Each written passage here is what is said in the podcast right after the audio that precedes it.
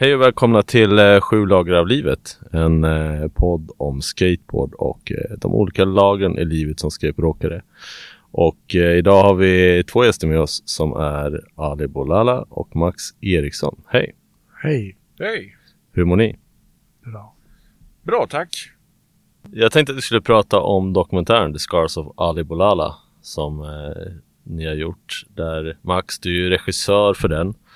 Eh, och eh, det är Stirra Film som är liksom det, är det ditt eget? Det är mitt eget, det är jag som är Stirra Film. Och sen är filmen producerad, eh, producerad av Sisyfos Film. Just det, okej. Eh, och Ali, eh, vet hur många skateboardåkare vem det är, men jag tänker vi kan ju nämna då skateboard, legend, ikon, stilikon, stillegend.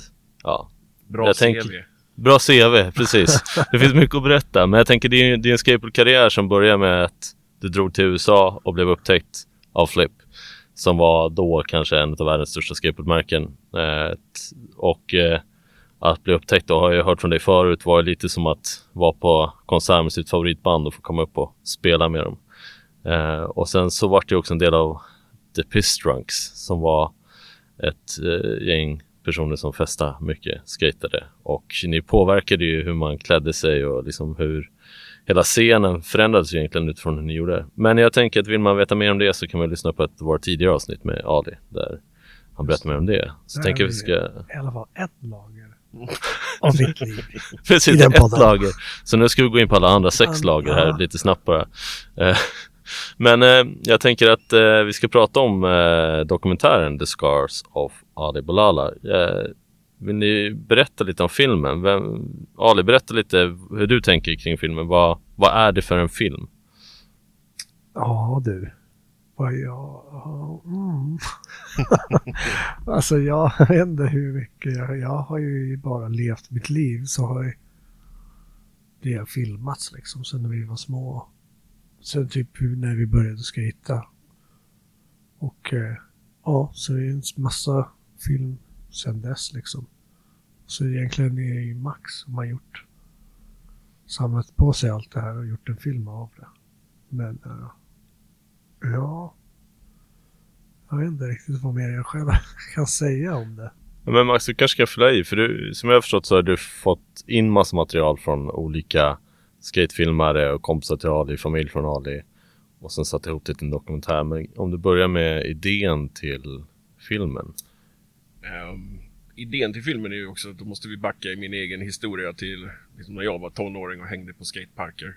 Ehm, jag skatade ju aldrig, men jag åkte ju inlines. Vilket Ali inte fick reda på förrän filmen var färdig, vilket kanske är bra. Annars Ja. hade det kanske inte gjorts någon film. Ja, Jag, jag ska visa ett klipp sen när jag tacklar ner en inliner i Fryshuset. Ja. Se. tänk det kanske var Max. Det, det, är, det är ett sidospår, men jag tycker fortfarande det är intressant att det finns, liksom, det finns kvar en schism bladare och skatare mellan 30 år senare. Eh, men hur som helst, jag hängde på skateparker och många av mina polare åkte skate. Eh, och då var det liksom, när då flippfilmerna kom ut så var det liksom att folk dök upp och bara ah du måste se det här, ni måste se det här. Och då fick man ju reda på vem Ali var. Liksom. Även om man, eller hängde man runt i skateparker på den tiden så visste man ju vem Ali var. Han hade kommit till USA på den tiden och liksom blivit ett stort svenskt proffs. Eh, och sen också då liksom det unika med att vara så jävla vild som Ali var. Eh, och det var liksom mycket mer eh, tillhörande än att bara vara bra på skate. Som gjorde det spännande och intressant. Men sen lämnade jag den världen när jag blev lite äldre. Eh, sen tänkte jag inte på det överhuvudtaget förrän eh, när olyckan hände så kommer jag ihåg att det stod det på löpsedlarna i Sverige. Eh, skatestjärna i dödskrasch. Eh, köpte tidningen och läste och det var liksom, man förstod ju direkt att det var Ali. Och ganska snabbt så stod det att det var Ali också. Eh, sen gick jag vidare och, på, och med de två erfarenheterna så var det liksom egentligen fröet som var sått. Men jag hade, visste inte om att jag skulle göra en dokumentärfilm om det. Men sen började jag plugga dokumentärfilm och gjorde en film. Eh, och då var jag ute och filmade och då gick vi in på Alis bar som då Alis föräldrar eh, ägde. Och där satt Ali eh, efter att ha kommit ut från fängelse. Och när jag såg honom där så förstod jag liksom, då, då föll alla bitarna på plats att liksom, det här är ju en, det här är en historia jag måste göra en film om. Eh, så på den vägen var det. Sen försökte jag få kontakt med Ali. Eh, och då var ju som sagt, Ali var precis utkommen från fängelse. när jag såg honom så var han dyngrak. Eh, så att jag förstod ju att han mår ju inte jättebra. Och via gemensamma bekanta försökte få tag i Ali, men allihopa sa liksom att nej, nej, nej, det är ingen chans att han kommer ställa upp på det här eller vi vill inte liksom vi kan inte bara ge numret till Ali för att han är för, han är för pajad. Men till slut så var det en kompis, Hasse, va? Mm. som eh, jag fick prata med och då sa han att liksom, ja men jag förstår vad din tanke är, jag tycker det låter bra men det här får ju vara på Alis villkor så jag berättar för Ali att du finns, att du vill göra en film om honom och är Ali intresserad så kommer han ringa dig. Och då tänkte jag, ja, okej, kul, jag kommer aldrig höra ifrån honom. Men det var bara direkt dagen efter så ringde Ali och sa, ja tja, jag har fått höra att du är intresserad av att göra en film, vi kan ses och snacka om det.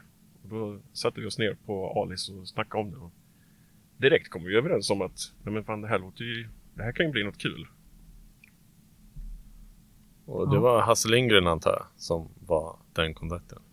Men hade, hade du varit, blivit ren när ni började prata om idén? Nej, nej, jag antagligen drack massa killkenny. Japp. Det vet du. Det minns jag. Okej. Ja, jag bara chansar för jag hade... Men ja. Eh, ja. Men om man skulle säga vad filmen skildrar då? För eh, man förstår ju så här, man, det skildrar skateboardåkning. Men vad skulle ni säga att filmen skildrar i det stora hela liksom? Vad är det ni vill förmedla med filmen? Alltså, det, det här är ju svårt och en, det, det här är ett sånt tabu inom filmskapande som jag tog till mig att använda mig av. Att man får aldrig lov att säga att en film inte är någonting. Men den här filmen har jag alltid beskrivit som det är inte en skateboardfilm och det förklarar ganska mycket vad det egentligen är.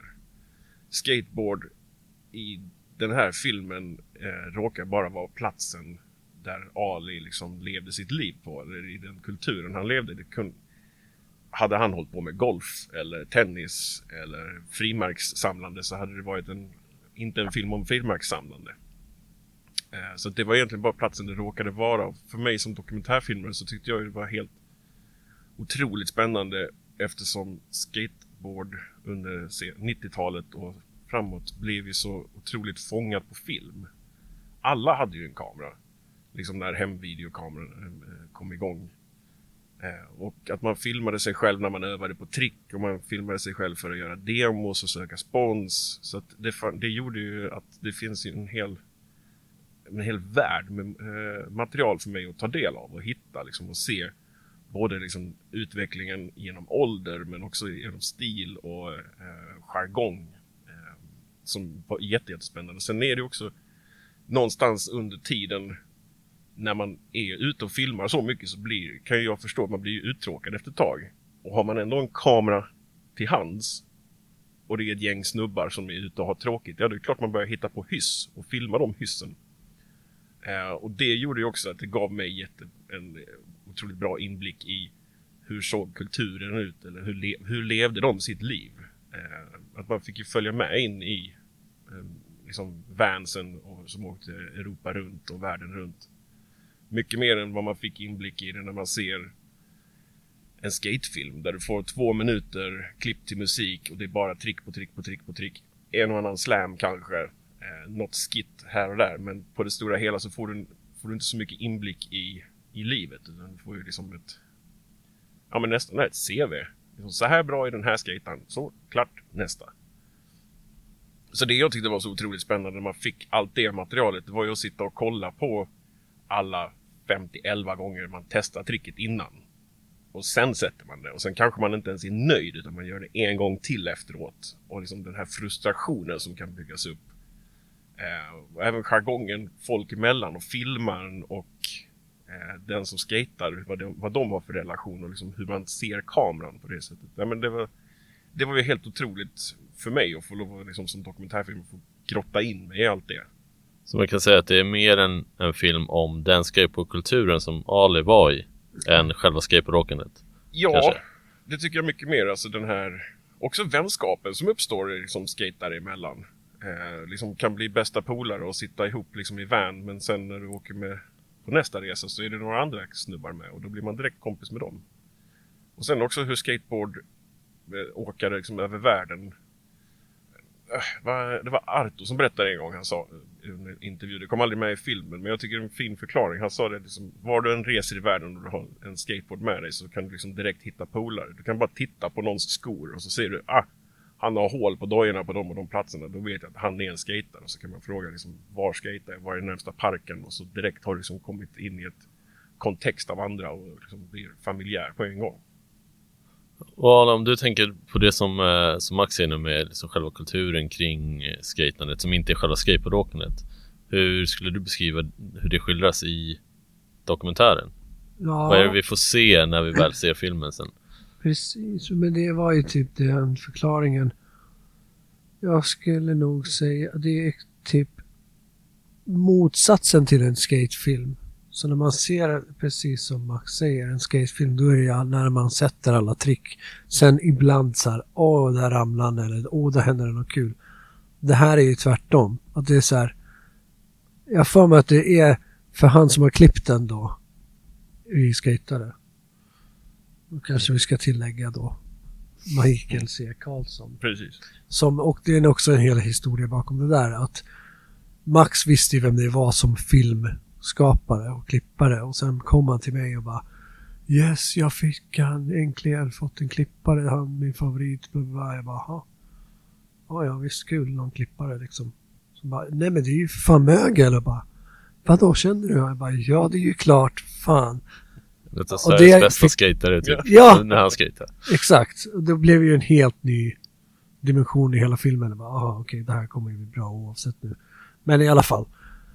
Då är, har ju de, till skillnad från en skatefilm, det här är nästan tvärtom liksom. Några enstaka gånger så här så är det något trick som, som kanske någon sätter som är med. Jag vet inte vad tanken bakom det där men det är ju det är ju då film Max och Mikaels idé. Men att så här, ibland så är det så här, ja där satte han något trick liksom.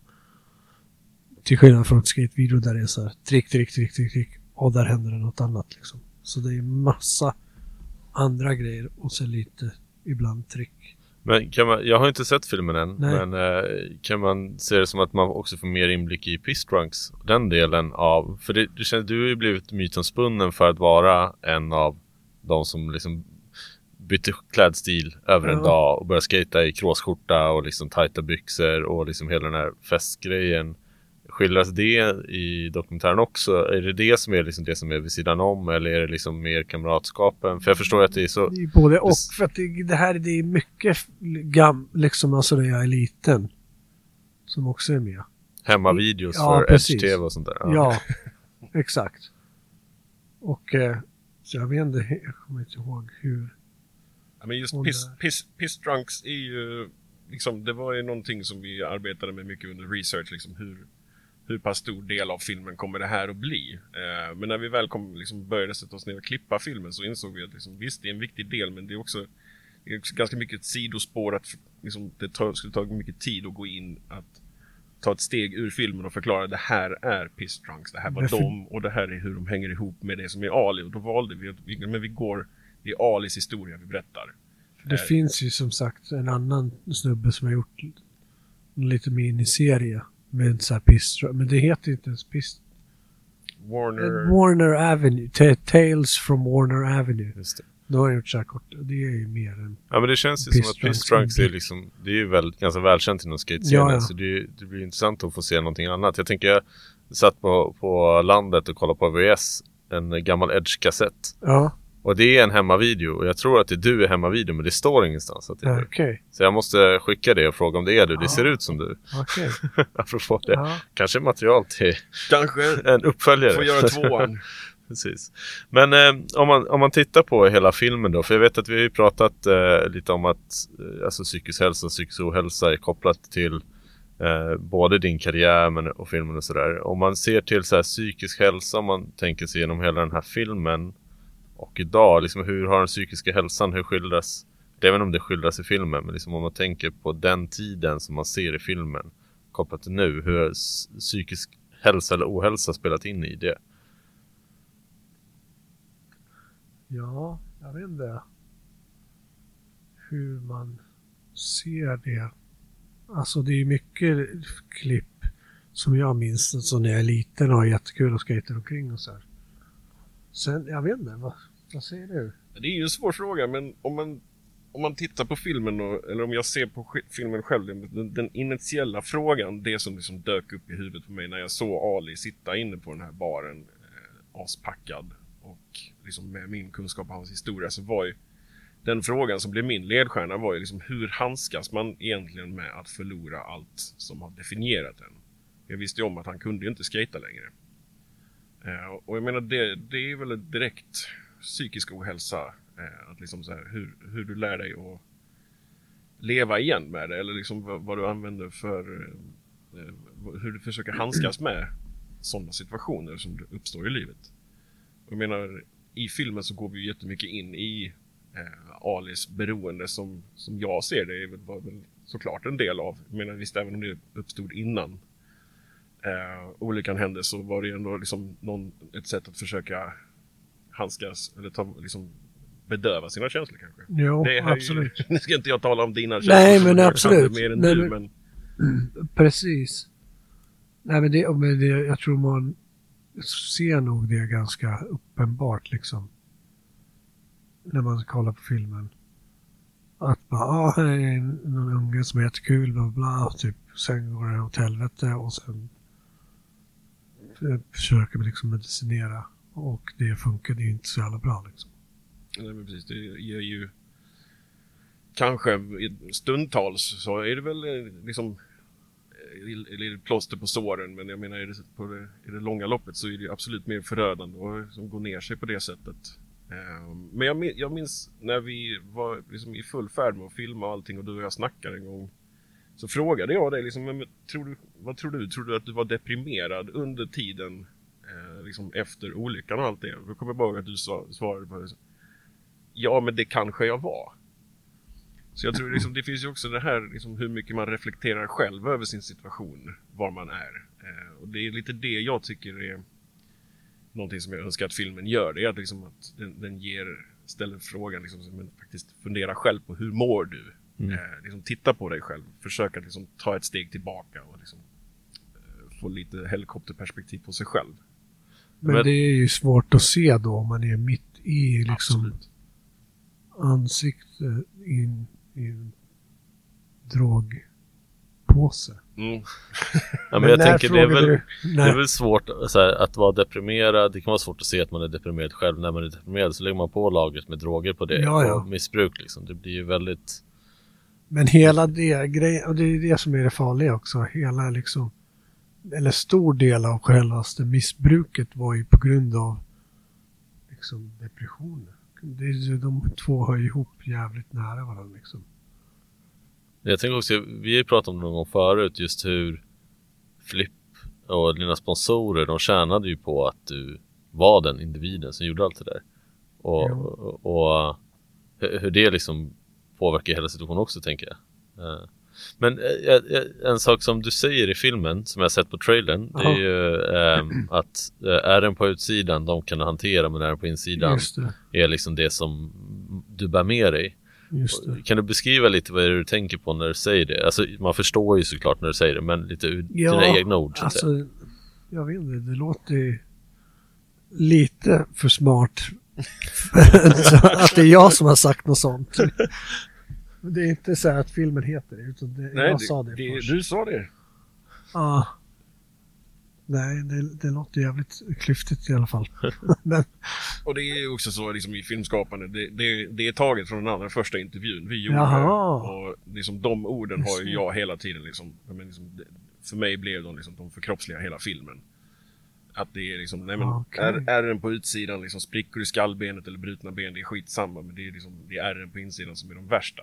Och det är ju mycket det filmen handlar om. Eh, och det handlar ju inte om, heller om att liksom försöka dölja någonting eller försöka liksom plåstra om så mycket utan det handlar om att lära att leva med ärr. Vi har alla ärr eh, och det är de vi måste lära oss att kunna fortsätta leva med. Hur gör man det?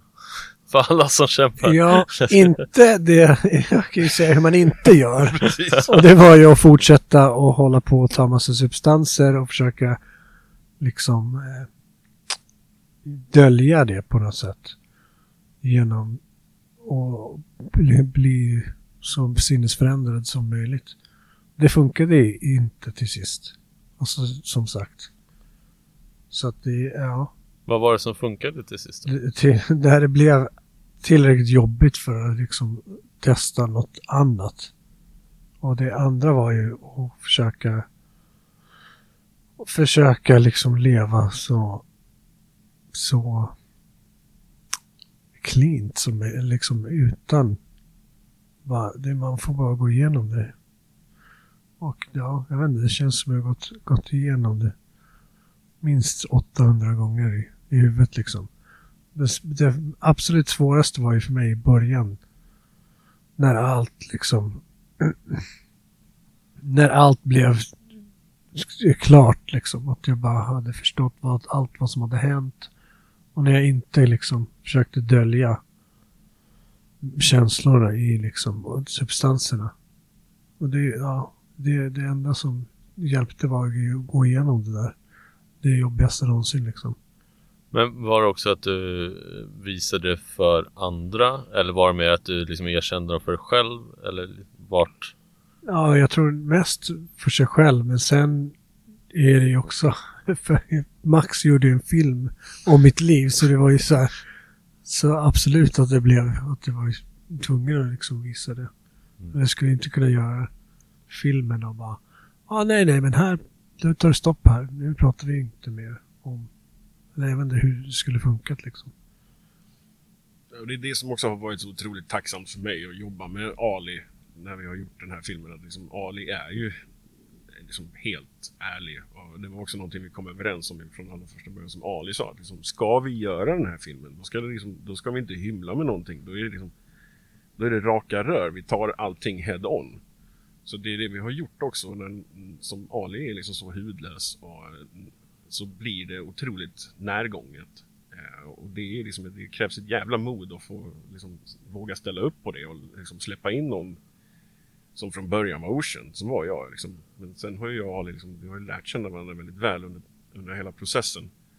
Men det är just att att våga ta det steget och lita på någon annan och komma in med en kamera, det är jävligt tufft alltså. Och, eh, det har ju också gjort att det har blivit så, att filmen har blivit så bra som den blev. Men om, om man tänker sig att eh, vi, i den här podden så är det ju mest skateboardåkare som lyssnar. Eh, och Någon man- bladare kanske. Någon bladare Ah, kanske. det tror jag inte. Nå- någon som, eh, ja nej. Men det jag funderar på just om, om vi säger att det är någon som lyssnar på det här och som eh, Jag tänker lite som vi sa, de flesta av oss lider ju av någon form av psykisk ohälsa i perioder och, och ibland är det bättre liksom. Men om man är där liksom och börjar hamna i ett läge där man mår dåligt, inte riktigt vet vad man ska göra. Har ni liksom några tankar om vad vad, man, vad det går att göra. Eh, det är klart det går att vända sig till olika liksom, mottagningar och så vidare. Men så här, ett första steg för att liksom, försöka få hjälp i tid så att säga. Prata. Prata. Prata med den du litar på. Prata med kompisar eller föräldrar, syskon, eh, främlingar. Eh, Jag menar, ring, det finns telefonnummer man kan ringa. Men jag tror att det är det första och största och viktigaste steget. Och det är, nu pratar jag för mig själv, men jag tycker det är att, att våga prata med någon, att våga öppna upp. Um, För även om det är, även om de inte kanske kommer med världens bästa råd eller kanske kan rädda dig eller hjälpa dig så kan det bara att uttrycka det själv och höra dig själv säga det högt utanför ditt eget huvud var otroligt viktigt. Eh, för att när du släpper ut det utanför ditt eget huvud så får det en annan dimension. Eh, det blir lättare att se på det. När du hör det själv så uppstår det på ett annat sätt än när det bara är dina tankar. För det är ofta liksom att du låser dig i dina tankar. Och liksom, jag kan inte prata om det här, det är hemligt, det går bara i mitt, mitt eget huvud om och om, om igen. Man bara maler på. Och ibland så kan det bara, bara man har sagt ut orden så är det så här, oj, nej men okej, nu förstår jag. Eller det, liksom, det hjälper, så att hitta någon att prata med. Eh, och var inte rädd för att hitta nya att prata med. Ibland kan man behöva det om det är någon, någon som är nära dig som du behöver prata om. Vänd dig till någon annan. Ja, det, men det, precis. Så var det ju, märkte jag när jag blev nykter. Det var ju genom 12-stegsprogram. Nu kan vi inte göra reklam för det, men, men, men det är exakt som du säger. För där gör man ju visst så steg, 12 steg, bla bla. Och skriver ner massa grejer. Och pratar med varandra. Och det här är ju också helt... mestadels okända människor innan. Och det, jag trodde inte att det skulle hjälpa mig liksom. Men det gjorde det. Så att det ligger något i det, absolut. Samma som när man går till psykolog. Och efter olyckan så vägrade jag. Jag bara, hur, varför ska jag prata med en psykolog liksom? Jag tyckte det var helt sjukt. Men jag kunde inte gå någonstans. Så de kom ju till min sjukhussäng och bara pratade. Jag fattade inte ens att det var någon psykolog först. Och sen va, fick jag en rullstol och bara, ah, nu ska du åka ner till psykologen. Jag bara, men vad fan. Men sen efter ett tag så fattade jag bara, jaha. De, de behöver inte ens säga någonting till mig. Det är, bara, det är det som är grejen, att man själv ska bara prata liksom. Få det ut. Få ut det ur sig. Precis. Men det tog ett tag innan jag accepterade och fattade det liksom.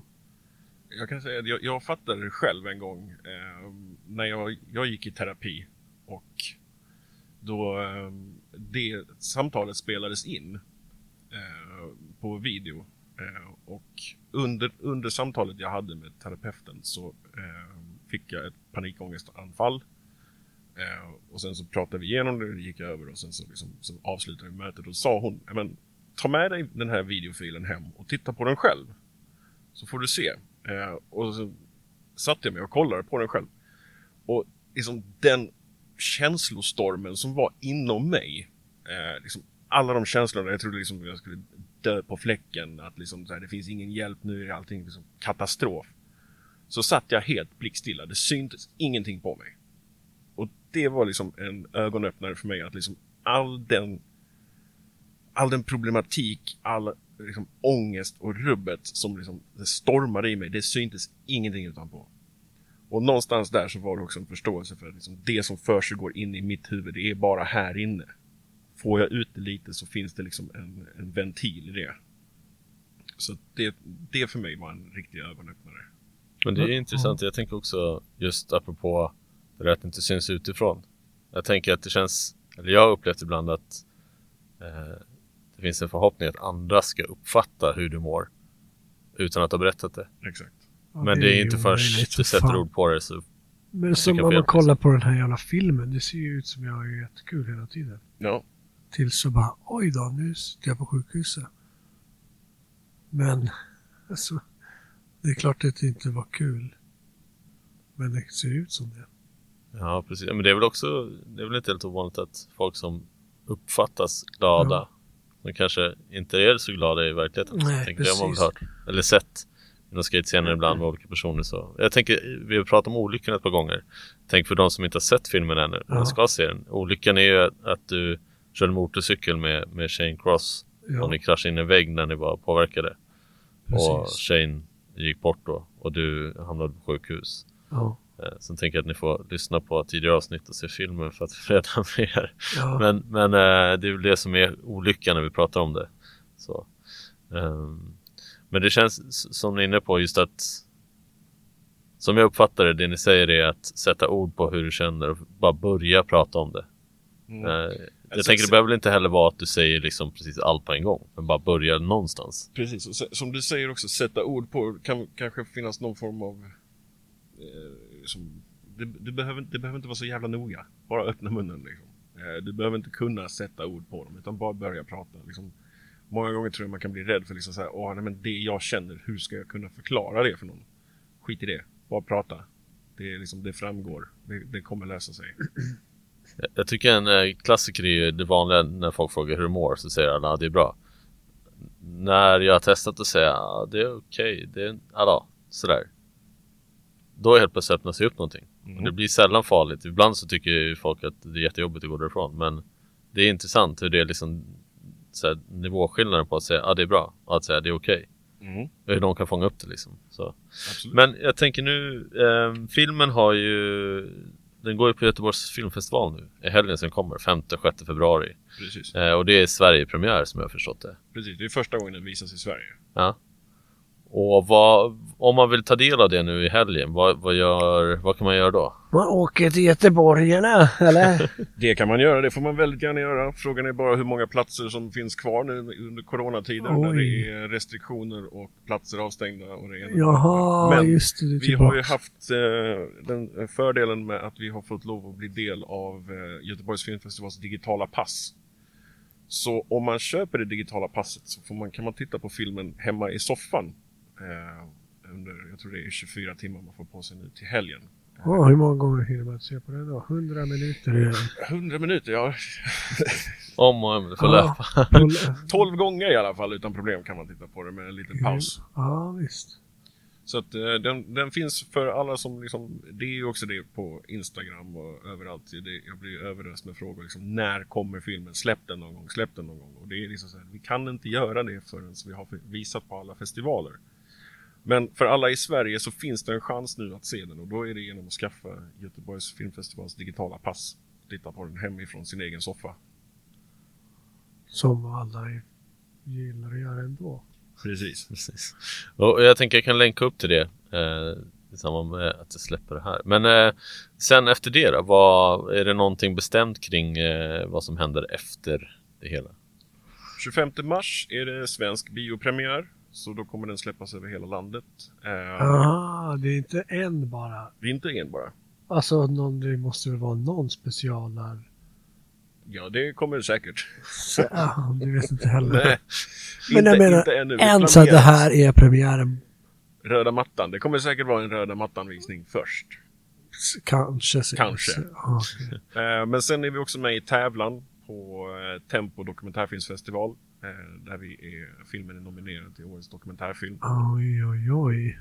Snyggt. Sen har vi visning i eh, Köpenhamn på Köpenhamns filmfestival som heter CPH Docs. När är den? mars också har Ah, jag för okej. mig. Sen är jag lite dålig på just nu att ha koll på vilka mer festivaler. För den, filmen kommer ju fortsätta visas runt om i världen på festivaler också. Okej. Vad Spännande. Men då, då är det först Göteborg Filmfestival, onlinepass om man inte kan vara där. Och sen då 25 mars. Eh, och sen får vi se med röda mattan. Precis.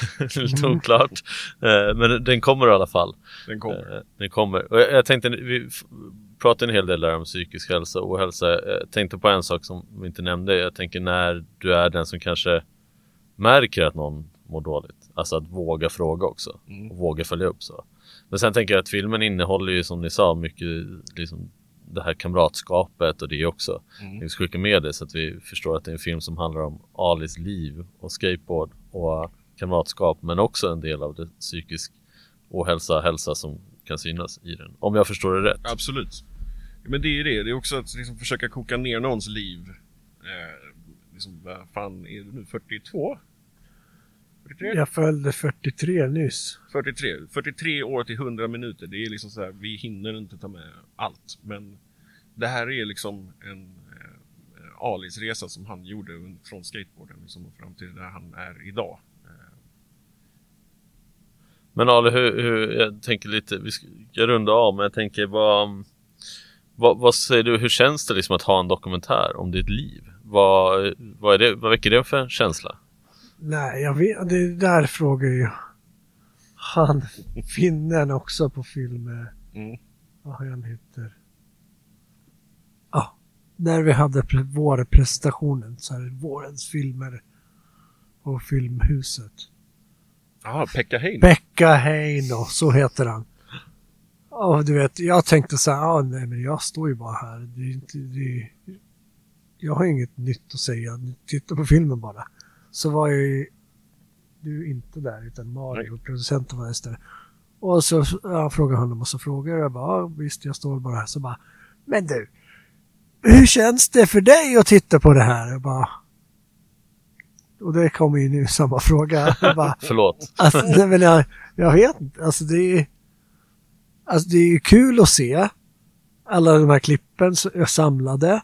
För att det vi filmade då liksom när vi var små, det var ju för oss själva bara. För att ha någonting att titta på hemma. Och bara, oj vad coolt det där såg ut eller vad kul det där var. Men att nu att alla får se det, det är ju det är, det är roligt.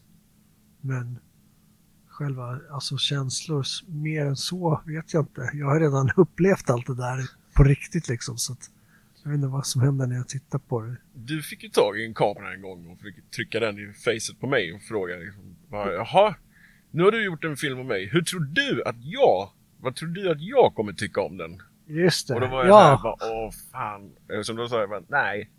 Jag tror fan inte du kommer gilla den. ja, Eh, för du, du tycker alltid det är jobbigt att se dig själv och liksom, åh nej, håret är inte bra på den bilden, eller skorna, är det som skor, är det inte knutna på rätt sätt?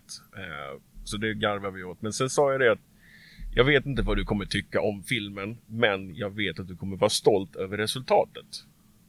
Precis. Och nu det- när, du ja. liksom, när resultatet är här, hur känner du då? Nej, men det, alltså det blev ju riktigt... Så här sa jag till och med på film... eh, Vi, vad heter den där? Vårpresentationen. Att det var ett jävla konstverk. Mm. Mästerverk, fan sa jag till och med. Förlåt. Jag tror jag sa samma grej där. Jag bara, nej, nej, jag menar ett jävla mästerverk. Mm. För det blir, det, ja, så ser jag det faktiskt mer. Att det ser var jävligt bra ihopklippt och allt liksom. Det är ett, ett konstverk, ett mästerverk verkligen. Ja, din mamma hade ju också en fin kommentar på det när hon hade sett filmen. Ja, vad fan var det hon? Men hon hade väl förväntat sig att det skulle vara någon skatefilm liksom. Hon har ju väl sett de där klippen när vi hoppar omkring och är små och sådär. Men eh, vad fan var det hon sa nu då?